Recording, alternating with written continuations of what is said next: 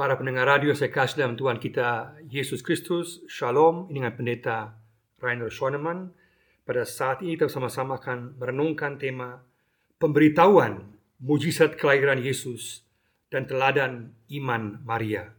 Pemberitahuan mujizat kelahiran Yesus dan teladan iman Maria. Kita membaca dari Lukas pasal 1 ayat 26 sampai 38. Lukas 1 ayat 26 sampai 38. Pemberitahuan tentang kelahiran Yesus.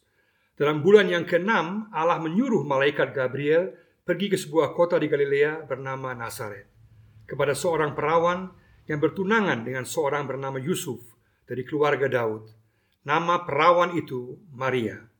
Ketika malaikat itu masuk ke rumah Maria, ia berkata, "Salam, hai engkau yang dikaruniai Tuhan menyertai engkau." Maria terkejut mendengar perkataan itu, lalu bertanya di dalam hatinya, "Apakah arti salam itu?" Kata malaikat itu kepadanya, "Jangan takut, hai Maria, sebab engkau beroleh kasih karunia di hadapan Allah. Sesungguhnya engkau akan mengandung dan akan melahirkan seorang anak laki-laki, dan hendaklah engkau menamainya Yesus. Ia akan menjadi besar dan akan disebut Anak Allah yang Maha Tinggi." Dan Tuhan Allah akan mengaruniakan kepadanya takhta Daud, bapa leluhurnya, dan ia akan menjadi raja atas kaum keturunan Yakub sampai selama-lamanya, dan kerajaannya tidak akan berkesudahan. Kata Maria kepada malaikat itu, "Bagaimana hal itu mungkin terjadi karena aku belum bersuami?" Jawab malaikat itu kepadanya, "Roh Kudus akan turun atasmu, dan kuasa Allah yang Maha Tinggi akan menaungi engkau. Sebab itu anak yang akan kau lahirkan itu akan disebut kudus, anak Allah. Dan sesungguhnya Elizabeth, sanakmu itu, ia pun sedang mengandung seorang anak laki-laki pada hari tuanya. Dan inilah bulan yang keenam bagi dia, yang disebut mandul itu.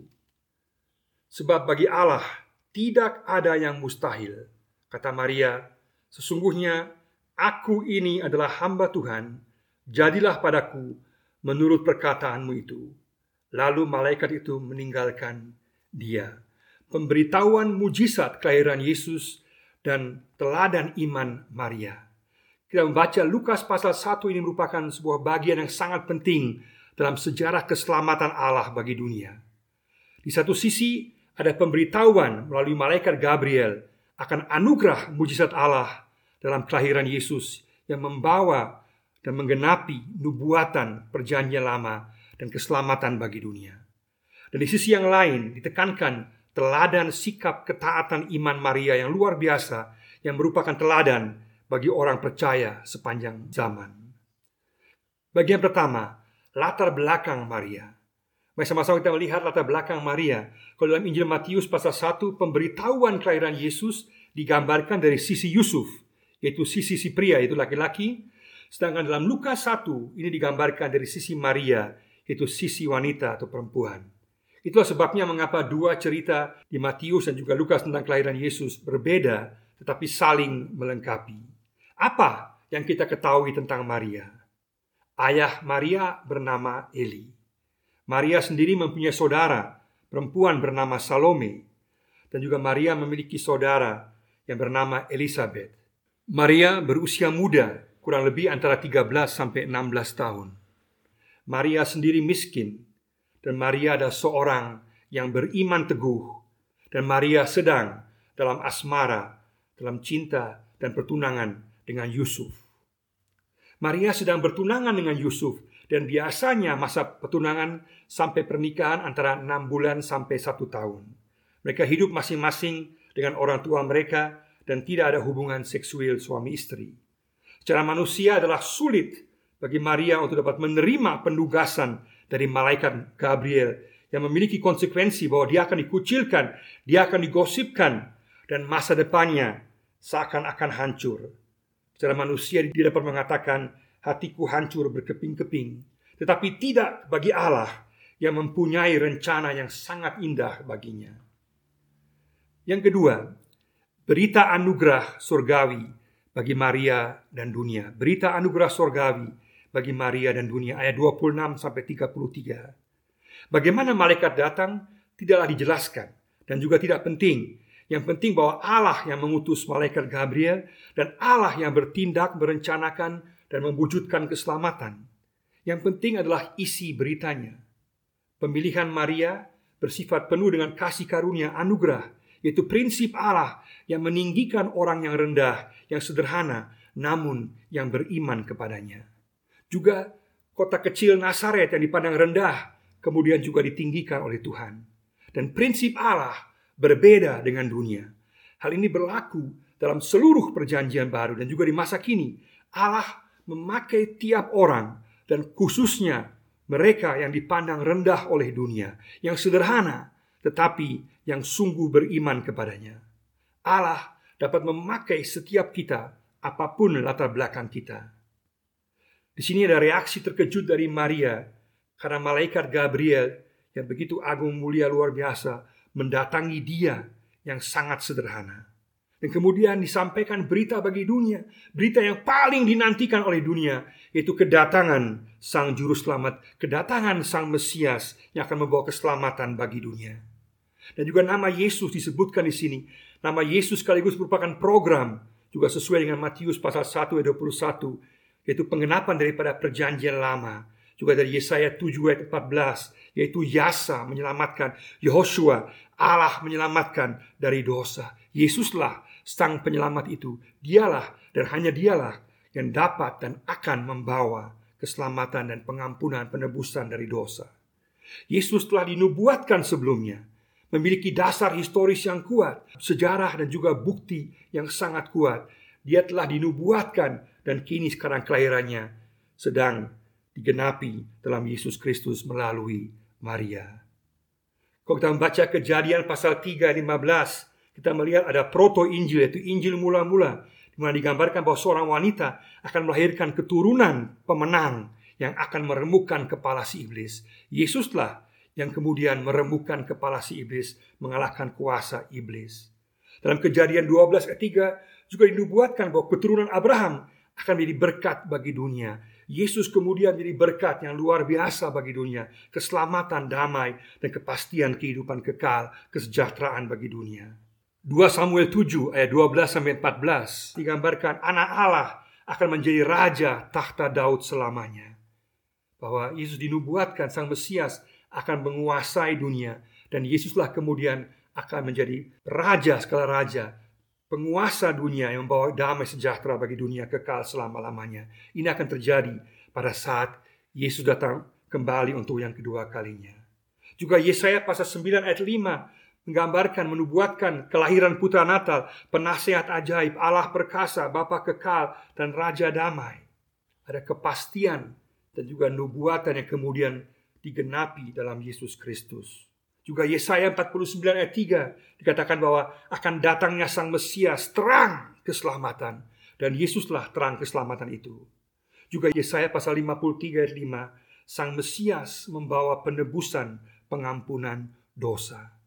Dan sungguh-sungguh berita anugerah surgawi yang luar biasa ini yaitu yang telah dinubuatkan sebegitu lama sebelumnya kini sekarang akan digenapi melalui kelahiran Yesus lewat Maria yang telah dipilih oleh Allah dalam anugerahnya yang penuh kasih yang luar biasa. Bagian yang ketiga, pertanyaan Maria ayat 34. Pertanyaan Maria ayat 34. Maria mempercayai perkataan malaikat dan juga kebenaran firman Tuhan mengenai kelahiran Yesus sang juru selamat. Namun demikian, Maria bertanya, bagaimana itu mungkin terjadi karena dia belum bersuami. Di sini kemurnian dari Maria ditekankan, sekaligus juga kesediaannya untuk dipakai oleh Tuhan. Tetapi hal itu sepertinya mustahil baginya. Dan bagaimanakah itu bisa terjadi tanpa status sebagai suami dan istri? Namun demikian, Maria tidak protes dan juga tidak meminta tanda sebagaimana Sakaria sebelumnya. Ada sedikit humor Lukas di sini. Itulah laki-laki tua Sakaria penuh keraguan, sedangkan Maria perempuan yang sangat muda tetapi penuh dengan kepercayaan. Ada kontras di sini. Kita pun sekarang juga dipanggil untuk mempercayai kata firman Tuhan. Meskipun secara rasio, secara manusia tidak masuk akal, karena rasio kita terbatas, tetapi Allah tidak terbatas dan yang dikatakan firman Tuhan pastilah benar. Tuhan mau supaya kita juga mempercayai firman-Nya. Apa yang telah dia katakan dalam firman Tuhan, Tuhan mau supaya kita percayai, mempercayai perkataan Yesus yang membawa keselamatan, yang membawa kehidupan. Yang keempat, mujizat kuasa Allah dalam kelahiran Yesus. Mujizat kuasa Allah dalam kelahiran Yesus ayat 35 sampai 37. Tidak ada yang mustahil bagi Allah. Sini gambarkan juga kelahiran Yohanes Pembaptis oleh Elizabeth yang bersuami itu pada saat dia berusia 70 tahun. Sedangkan Maria sendiri berusia belasan tahun dan tidak bersuami. Semuanya adalah tindakan mujizat Allah. Yang sudah tua, yang sudah mandul, yang secara manusia tidak mungkin dapat melahirkan seorang anak. Tuhan membuat mujizat.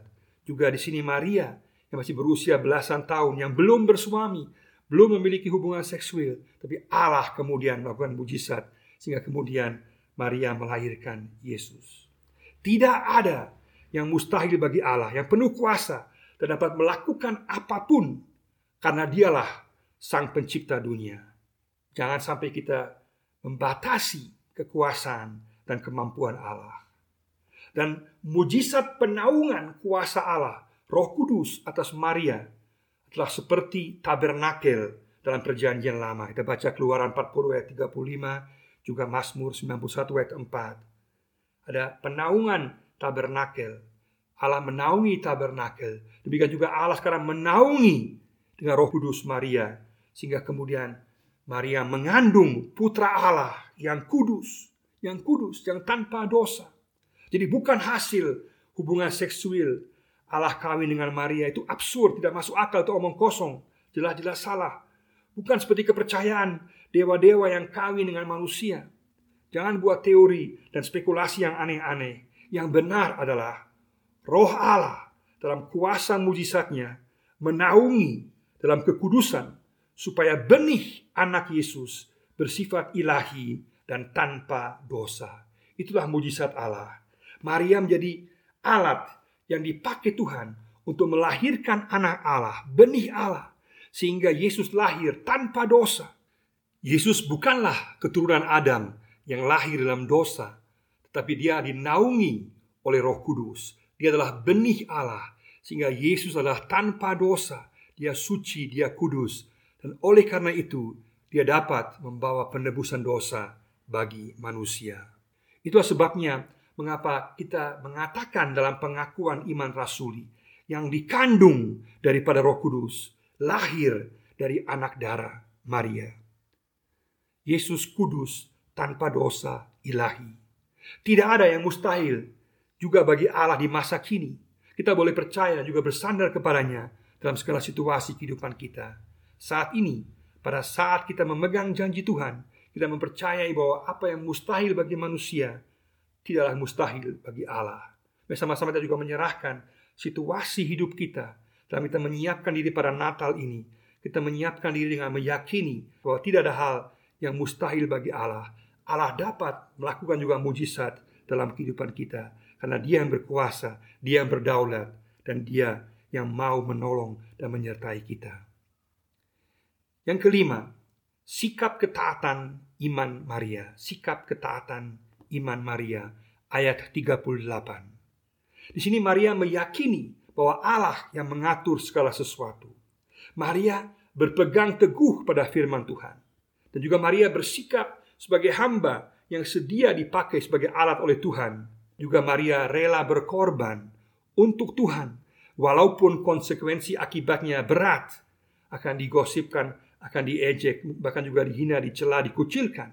Maria juga mengatakan ya kepada Tuhan, ya kepada yang mustahil, dan juga ya kepada rencana Tuhan.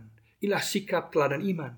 Kita pun juga dipanggil untuk mengatakan ya pada Tuhan, ya kepada yang mustahil, dan juga ya kepada rencana Tuhan dalam kehidupan kita. Maria juga sedia menanggung dampak gosip. Dia dianggap tidak setia.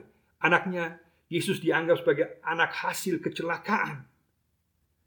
Dan Maria juga melahirkan 100 km kurang lebih dari rumahnya tanpa bantuan ibu-ibu yang berpengalaman. Hanya dibantu Yusuf, sang bidan, dan dipandang binatang-binatang. Inilah humor dari Lukas sebagai dokter. Maria adalah teladan iman yang luar biasa. Namun demikian, dia tetap seorang wanita biasa. Pribadi Maria ini dalam sejarah gereja selalu antara dua ekstrim yang salah. Ekstrim pertama yaitu Maria tidak diperhatikan. Dan ekstrim yang kedua adalah Maria diagungkan secara berlebihan overdosis. Kurang diperhatikan dengan tidak sungguh belajar dari teladan sikap iman Maria yang sungguh luar biasa dan yang tetap jadi contoh bagi kita di masa kini. Secara berlebihan mereka yang menganggap Maria sebagai ratu sorga atau dengan dogma kenaikan Maria ke sorga atau sebagai perantara doa syafaat. Semua itu tidak ada dalam perjanjian baru. Perantara kita hanyalah Tuhan Yesus Kristus. Doa syafaat pada Maria tidak diperlukan. Bahkan dalam kisah para rasul 1 ayat 14 di mana Maria disebutkan untuk terakhir kalinya dalam perjanjian baru dikatakan bahwa Maria mengikuti persekutuan doa dan bersama-sama dengan para murid yang lainnya berdoa dalam nama Tuhan Yesus kepada Bapa di sorga yang mendengar, yang menanggapi dan memelihara janji-janjinya. Maria adalah teladan bagi kita sepanjang zaman karena dia percaya dan taat meskipun tidak mengerti dan harus menanggung konsekuensi dan juga dia bersedia untuk berkorban. Dia bersedia dipakai Tuhan sebagai alat di tangannya. Mari sama-sama kita mensyukuri penggenapan nubuatan Allah dalam perjanjian lama yang luar biasa yang menjadi kenyataan dalam Yesus Kristus Sang Juru Selamat dunia. Karena Allah telah bertindak dalam anugerahnya, maka kita memiliki harapan dan kepastian akan keselamatan. Kita datang mengagumi, menyembah mujizat kuasa Allah yang tak terbatas yang nampak dalam kelahiran Yesus. Tidak ada yang mustahil bagi dia. Hanya Allah yang dapat menjamin keselamatan dalam tindakannya. Manusia tidak dapat menyelamatkan diri mereka sendiri. Karena Yesus adalah ilahi, maka dia dapat menebus dosa. Karena Yesus tanpa dosa, maka dia dapat menjadi korban yang sempurna untuk pengampunan dosa. Nama Yesus menyelamatkan, Yesuslah nama sekalian nama. Dan di masa depan, semua orang mau atau tidak mau harus bertelut dan mengakui Yesus sebagai Tuhan. Filipi 2 ayat 9, juga Ibrani 1 ayat 1 sampai 3, juga kisah para rasul 4 ayat 12. Tuhan rindu agar kita semua di masa Advent ini, menjelang Natal ini, kita datang tanpa paksaan dan kita mengakui dan menerima Yesus sebagai Tuhan dan Juru Selamat kita secara pribadi. Dalam pembaptisan pertama di tanah Papua, tanggal 1 Januari 1865, Geisler berkhotbah mengenai nama Yesus, mengenai arti dan makna nama Yesus untuk kita manusia. Dan memang benar, nama Yesuslah, Yesuslah nama segala nama, nama yang menyelamatkan dan nama yang memberikan kepastian kehidupan kekal. Tidak ada yang mustahil bagi Allah. Mujizat kuasanya tak terbatas. Kita dapat bersandar kepadanya dalam segala situasi kehidupan kita. Mari sama-sama kita sungguh-sungguh meneladani Maria dalam iman percaya dan ketaatannya. Meskipun tidak mengerti, tetapi bersandar pada firman Tuhan. Tidak protes atau meragukan firman Tuhan. Mempercayai bahwa tidak ada yang mustahil bagi Allah dalam setiap situasi kehidupan kita. Bersedia berkorban bagi Tuhan dan juga menanggung resiko. Juga bersedia menjadi alat di tangan Tuhan. Maukah kita? Bersediakah kita? Diutus bukan berarti semuanya akan mudah tanpa rintangan. Juga berarti bahwa akan ada masalah, tetapi kita bersama-sama dengan kekuatan Tuhan, kita berada dalam penyertaan Tuhan. Kita boleh meyakini bahwa kuasa Tuhan menyertai kita sehingga kita menjadi berkat bagi orang lain. Maria menjadi berkat yang luar biasa untuk dunia. Namun demikian, dia tetap rendah hati dan dia tahu diri. Dia tahu semuanya hanya dan hanya adalah karena Tuhan, karena anugerah Tuhan semata-mata. Dia hanyalah alatnya. Kita pun juga harus sama, sadar bahwa kita semua hanyalah alat di tangan Tuhan. Tahu diri, tetap rendah hati, jangan bikin diri tinggi atau inti, karena hanya Tuhan yang inti, Hanya Tuhan yang penting, hanya Tuhan yang patut dipuji dan menerima segala pujian penyembahan kita. Tetapi Tuhan mau dan rindu memakai setiap kita sebagai alatnya dan menjadikan kita berkat bagi orang lain. Tidak ada yang mustahil bagi Allah. Dan bersama dengan dia, kita akan mendapatkan kekuatan, pengurapan, motivasi kasih, dan menjadi berkat di mana pun kita berada. Mari sama-sama kita di masa Advent ini, menjelang Natal ini, kita merenungkan keajaiban, mujizat, anugerah kelahiran Yesus yang luar biasa. Dan sekaligus kita mengatakan, kita bersedia untuk belajar dari teladan iman Maria. Kita mau menerima Tuhan Yesus sebagai juru selamat kita. Kita mau menjadikan dia Tuhan dalam kehidupan kita. Kita mau belajar dari iman Maria.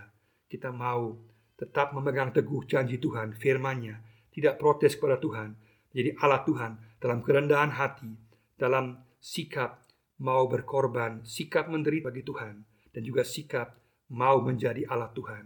Dan pada saat itulah Tuhan akan memberkati kita, Tuhan akan memakai kita sebagai alatnya, jadi berkat bagi orang lain. Dan Tuhan memberkati kita semua. Amin.